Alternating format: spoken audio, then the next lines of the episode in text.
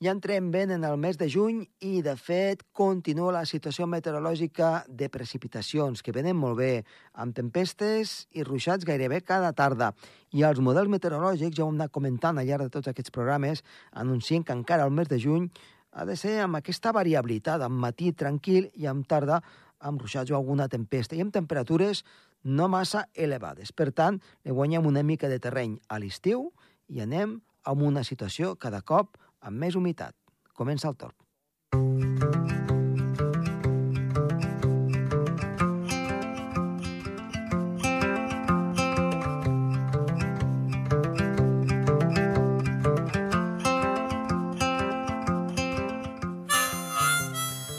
En el programa d'avui analitzarem la situació meteorològica que estem vivint al llarg d'aquest mes de maig i principis de mes de juny. Sembla que es pot allargar. Ho farem amb els dos meteoròlegs, en aquest cas amb en Gerard Tauler, que ens explicarà doncs, eh, com es va moment aquesta situació eh, meteorològica, els models sinòptics, l'anticicló cap al nord, tempestes cap al sud, i després el meteoròleg Marc Gasó ens explicarà doncs, dintre d'aquesta situació que estem vivint, què és el que està passant amb les tempestes i per què pedrega més fora del Pirineu que no pas al mateix Pirineu. Som-hi!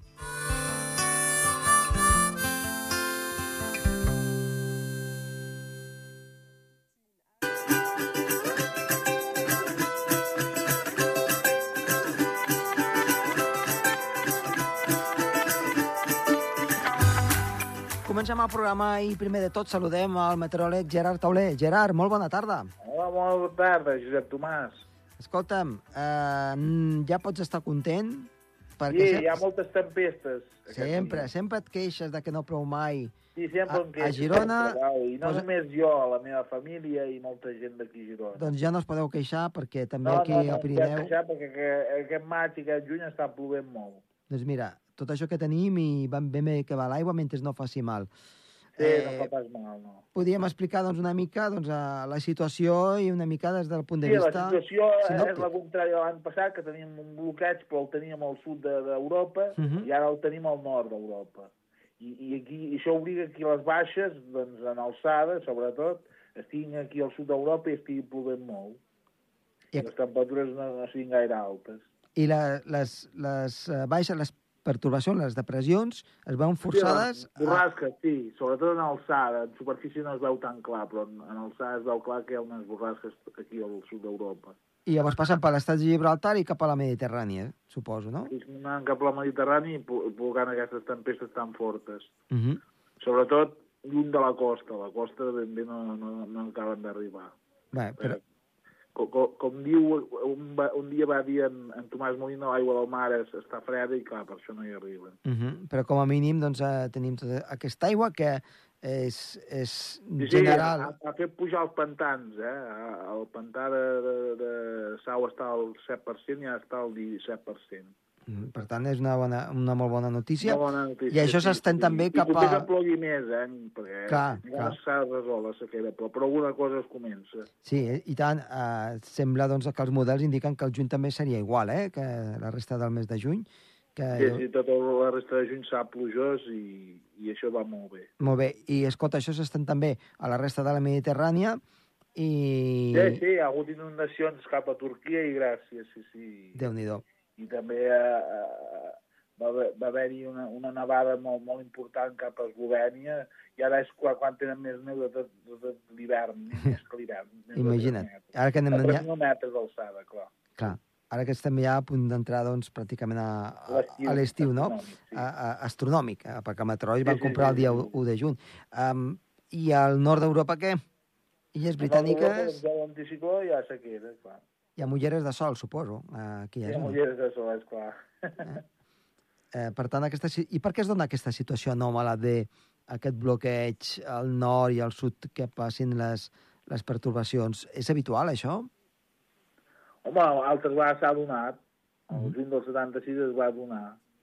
Hi havia una, una sequera molt forta a Anglaterra, amb un anticicló allà, i, i aquí tenim les baixes. De tant en tant es produeix. Uh -huh.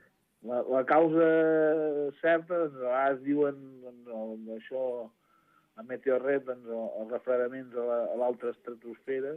Uh -huh. Això és que esperàvem a l'hivern a passar d'ara, diguem-ne. Ha passat ara, sí, Eh? sí.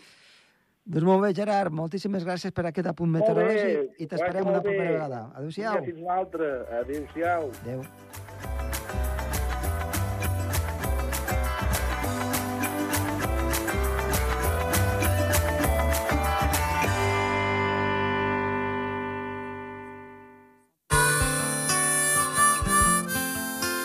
El Torb, amb Josep Tomàs.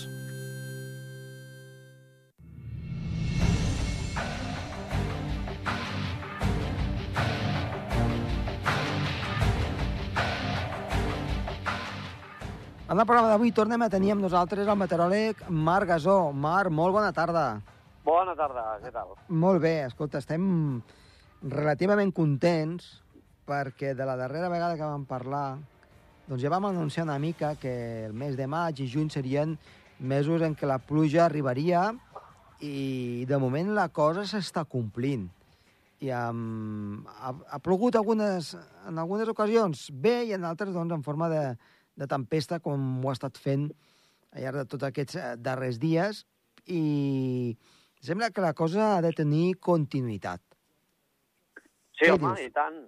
Sí, sí, home, venint d'on veníem, no?, d'un finals d'abril sequíssim, eh, pràcticament ja patíem arreu de Catalunya, ja no només pels embassaments, sinó pel, pels, pel tema incendis. I tot plegat, doncs, home, la situació s'ha arreglat bastant, amb tempestes que fins i tot han sortit del Pirineu, han arribat al prelitoral, i per tant podem dir que hem regat eh, pràcticament, bueno, Andorra per suposat, però també aquí a Catalunya pràcticament del país, ha canviat, bueno, ha canviat tot d'aspecte radicalment. Mhm. Sí, sí.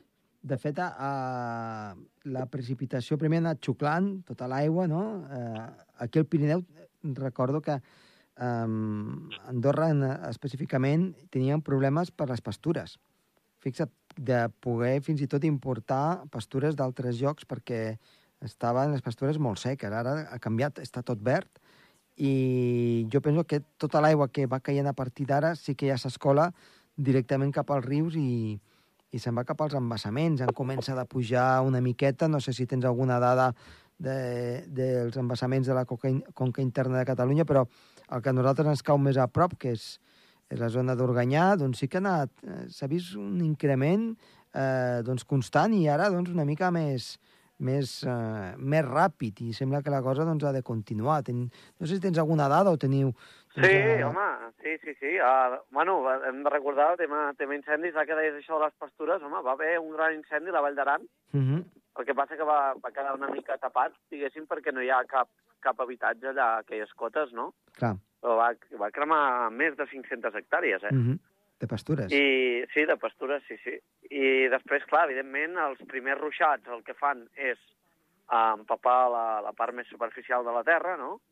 I per molt que plogui al principi, doncs els rius no ho noten.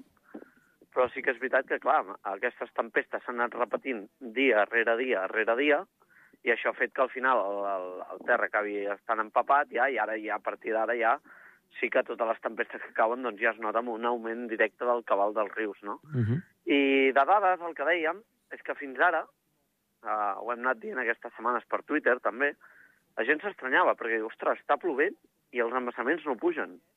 Però no pujaven per, per això, per aquest mateix motiu, de que estava tot tan sec que tot el que feia, tota l'aigua que queia ho xupava la terra.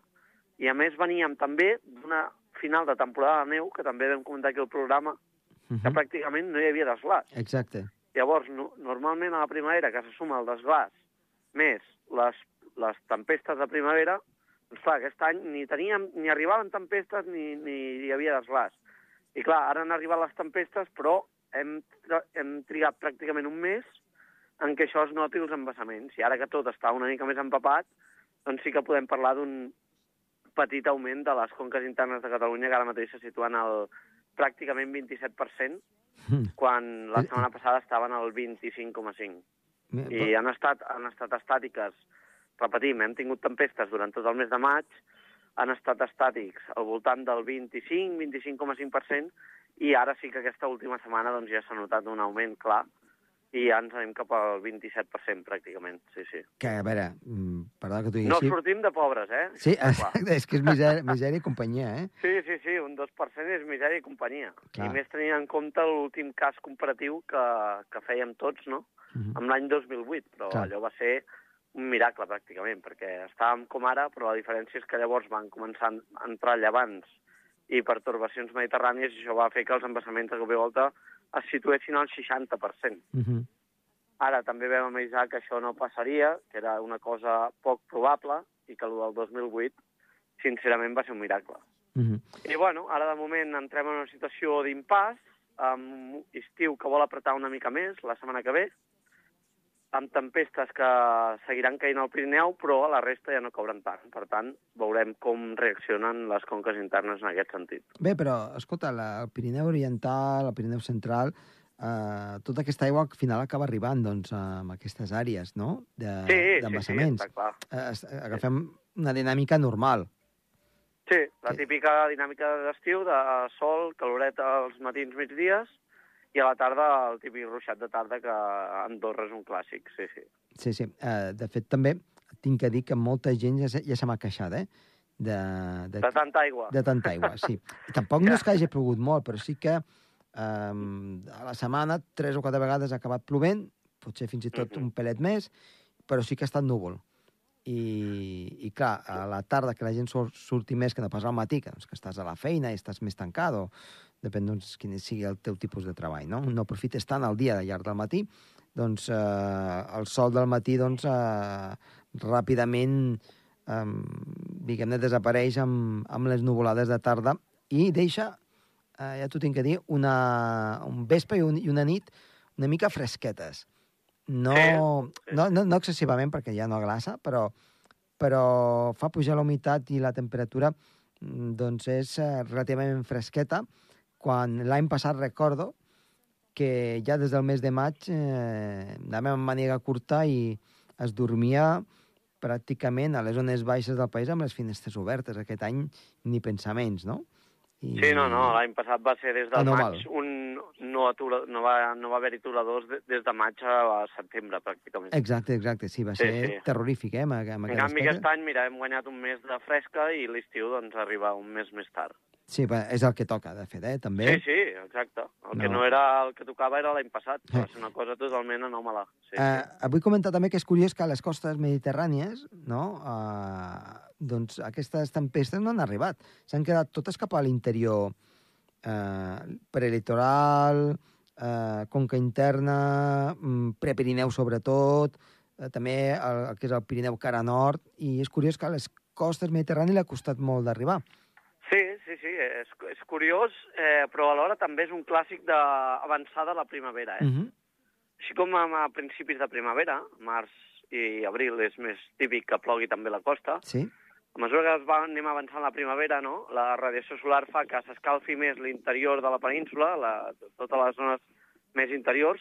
En canvi, què passa? Que el mar queda fred, perquè el mar té més, té més inèrcia, costa més d'escalfar, i aquest mar més fred fa que inhibeixi tota la convecció propera a la costa. mm -hmm. Per tant, les tempestes descarreguen fora al Pirineu, a l'interior, i a mesura que arriben a la costa i es troben aquest mar més fred, doncs es van desfent.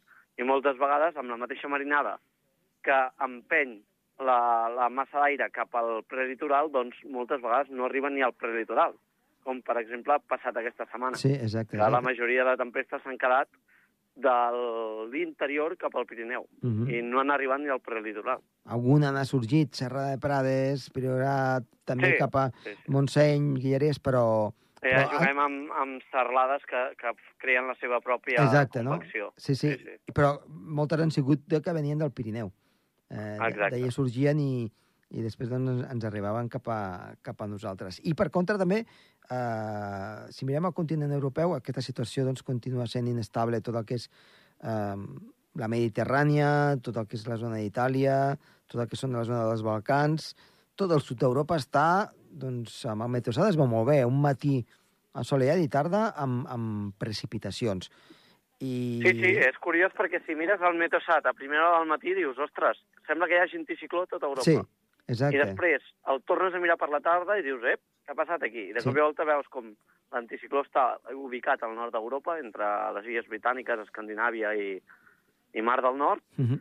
I en canvi tot, tota la vessant mediterrània és un niu de tempestes doncs, eh, provocades per aquest aire fred que bombeja l'anticicló britànic. Mm. Sí, sí. I, a, I al nord d'Europa què està passant, doncs? Bueno, hi ha, hi, ha una, hi ha una anomalia càlida, que també provocada per aquest anticicló, Mm. doncs fa callar uh, l'estabilitat i el bon temps, fins i tot, mira, jo tinc una amiga a Brussel·les, i em comentava això la setmana passada, diu, escolta, aquí la gent està al·lucinant perquè estem a 22-23 graus durant el dia, fa sol cada dia, ja portem dues setmanes així, i, i la gent s'estranya. I dic, bueno, doncs mira, també s'ha de dir que aquests, aquests patrons de que pugi l'anticicló cap al nord Mm. són habituals a la primavera a casa nostra, eh? Ja. Vull dir, al continent europeu és habitual que a la primavera l'anticicló es, es situï cap al nord d'Europa. El que potser no és tan habitual és que aquest any ha arribat molt tard, això. Uh -huh. Normalment això seria més propi de l'abril-maig, Sí. i aquest any ho hem tingut a maig-juny, pràcticament, i això és lo, una mica més anòmal. Uh -huh. I clar, i és, el que estan tenint és el contrari. Eh, manca de precipitacions, no sé si sequera, però sí que temperatures més altes i, i les illes britàniques que, vaja, els mapes de predicció no, no parem de posar sols cap a, cap a aquella zona. Sí, no, aviam, sequera no, perquè, clar, aquí pensa que l'abril vam estar amb anticicló, març també, febrer també, i allà no parava de ploure, Clar. no els hi parava de, de, de fer fred, i, i sequera no. Però sí que és veritat que si aquesta situació persisteix, les illes britàniques, eh, al nord d'Europa, però especialment les illes britàniques, que són indrets on no és que plogui molt, però sí que el número de dies de pluja és molt elevat, Uh -huh. llavors a la que estan un mes sense ploure, aquesta gent ho noten molt. O sigui, Mhm. se'ls asseca molt més... Sigui, tot molt més ràpid que no pas aquí, que ja estem acostumats, i la vegetació també està acostumada Clar, a no tenir tants dies de pluja seguida. clar, clar. En canvi, allà sí que necessita una aportació mínima ni que sigui doncs, eh, un cop o dos per setmana, no? Ah, exacte. Escolta'm, Sí. sí. avui volíem parlar de, de tempestes. Ja que les tenim aquí al damunt, doncs, eh, sobre fenòmens curiosos de tempestes que ara, que ara ens passaràs una mica a detallar. Uh, mira, el que volíem explicar és, uh, aquests dies us heu trobat, sobretot uh, la gent d'Andorra o del Pirineu que viviu més a cotes altes, diguéssim, per sobre dels 1.000, 1.000 metres, podríem dir, uh, que és com aquest, amb aquesta cota límit, no?, on, on hi pot haver... Volíem par parlar de les pedregades, on pot haver pedregades grosses Mm i on la pedra és més petita. D'acord. I és que, com a cotes més altes, uh, la física fa que aquestes pedregades siguin més petites. No vol dir que siguin menys intenses, perquè pots tenir pedra més petita, però molta més quantitat. En canvi, com més uh, cota baixa uh, es donen aquestes tempestes, i especialment ja tirant cap al Pla de Lleida i així, Mm. doncs aquesta pedra pot ser més gran i, i fer més mal. Jo- En canvi, al, al Pirineu això no acostuma a passar a partir d'uns 1.000 metres o 1.500. Eh, vull fer abans un parèntesi, abans de continuar i, i Sí. doncs, desvetllar aquest misteri, no?, perquè ho sapiguen els nostres oients. Uh, normalment les tempestes del, del Pirineu alguna vegada van de, de sud cap a, cap a nord, no?, de sud eh, oest cap a nord-est, sí. Llavors, eh, els hi costa molt de traspassar la serralada, no? D'anar cap. O sigui, les de la cara nord és que sorgeixen a la cara nord, però traspassar la serralada, per exemple, i anar-se'n cap a la zona de Perpinyà venint de, de la zona de Trem, co- Costa més, eh, però, les de cara nord. sí, És a dir, és, és, quan hi ha situacions de tempesta al Pirineu, domina més normalment el, la corrent de sud-oest o d'oest.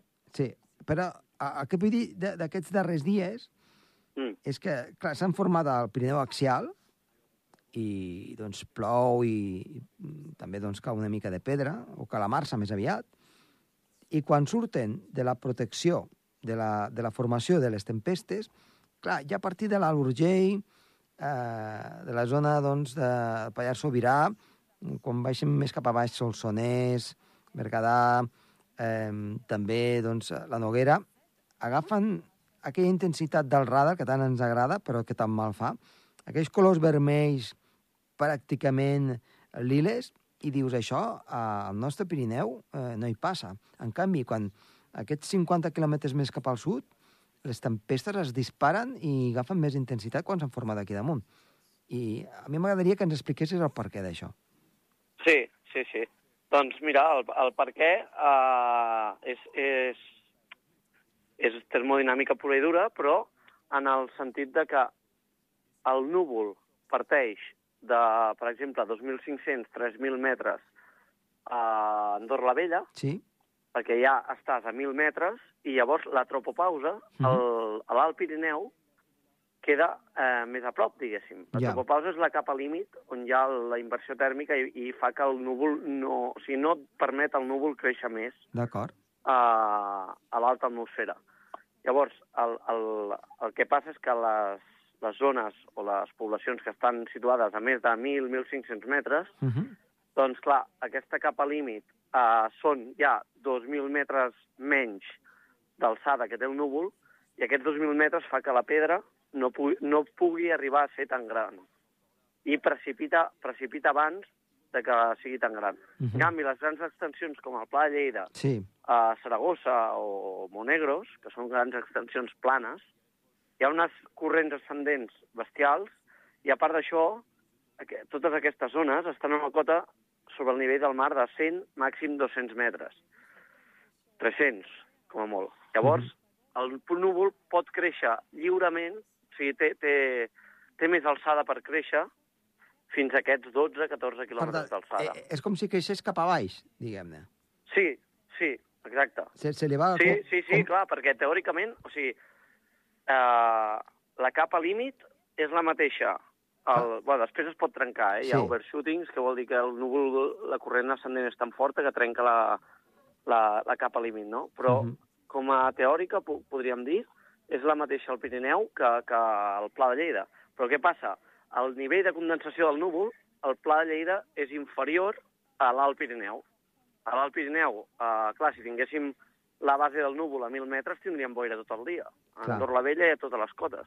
Llavors, què passa? Quan hi ha tempestes, la base puja i comença a descarregar per sota de 3.000. En canvi, el Pla de Lleida, la base dels núvols, doncs, pot arribar perfectament a 1.000, 1.200, 1.300 metres. Mhm. I, clar, llavors, aquests 1.000, 1.500 metres, 2.000 que guanyes, Sí. doncs són ja uh, un, bueno, uh, més, més distància, diguéssim, perquè la pedra es pugui fer més gran. Clar, són més recorregut i, Sí, i llavors te'n vas... Pots fer 7.000 metres de... de Sí, la, sí, la sí. gota pot pujar i baixar 7.000 metres, no? Ah, exacte, exacte. Clar, clar. Sí, sí. clar jo, jo havia llegit alguna vegada que el, el, eh, alguna persona que feia eh, a la Delta eh, es llançaven per a caigudes o també doncs, eh, doncs, eh, tot el tema doncs, de, de, de, de volar doncs, amb, amb tot tipus d'aparells, no? Um, que l'havia enganxat a alguna d'aquestes tempestes i havia pujat fins la, la tropopausa, eh? I, i les corrents sí l'havien això, portat això no ho havia sentit mai, veus? fins encara. al de tot. Un- Una, crec que era un noi, un noi una noia australiana que eh, va sobreviure i se l'havien portat, eh, no sé si fent parapent, eh, doncs una tempesta se l'havien portat fins als 8.000 metres d'alçada. Evidentment va perdre el coneixement, però, Déu-n'hi-do. però sí, sí, eh, i el, el fred el va aguantar i, Mhm. i, bueno, i es veu aquí doncs, la força d'aquestes corrents, no? això que estàs dient, Sí, sí, i, no, no. I, i, i perquè doncs, el que estàs dient, no? les pedres aquestes doncs, poden ser tan grosses i fer tan mal doncs, fora del Pirineu. Exacte, i, i penseu això, és, és el que comentaves ara, no? Que perquè una pedra de tals dimensions com una pilota de ping-pong Sí, aguanti en suspensió a certa alçada, imagineu-vos la corrent ascendent que ha de tenir. clar, clar. O sigui, Una, una, no una, estem parlant ni de 40, ni de 60, ni de 80 km per hora. clar, ara, ara. Eh, a vegades són corrents tèrmiques ascendents de 100, 100 i pico, gairebé 200 km per hora. clar, ara penso aquestes pedres que acaben a vegades a Arkansas i tots aquests jocs sí, dels sí, Estats sí, Units, clar, clar. que dius, fa, fan mig quilo, un quilo, i, i, Sí, sí. i ja no s'aguanta, però clar, l'han tingut que aguantar amb mig quilo, no? O, Exacte, eh, sí, sí. Clar, la corrent deu ser bestial. Eh, Sí, sí. aquí. Llàstima que aquesta energia de les tempestes no es pugui aprofitar, però, però amb això que ens has explicat avui, doncs ja tenim una mica més de visió del per què doncs, aquí, a casa nostra, doncs, eh, hi ha pedregades, hi ha clamarsades que ens afecten, però no són la brutalitat que a vegades veiem doncs, eh, en zones de més al sud, eh? I, que, i, que, i que arriben a fer molt mal. Doncs, Sí, Marc, sí, exacte. moltíssimes, moltíssimes gràcies per estar avui aquí amb nosaltres i t'esperem una propera vegada. Molt bé, perfecte, gràcies a vosaltres. Adéu-siau. Adeu. Anem acabant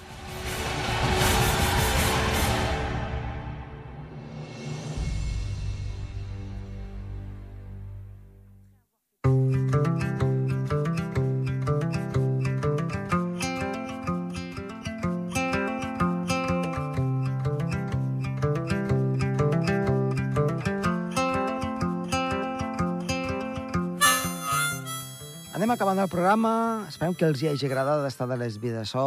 Toni Escuri, que els ha parlat de molt de gust. Josep Tomàs Bosch. Adéu-siau.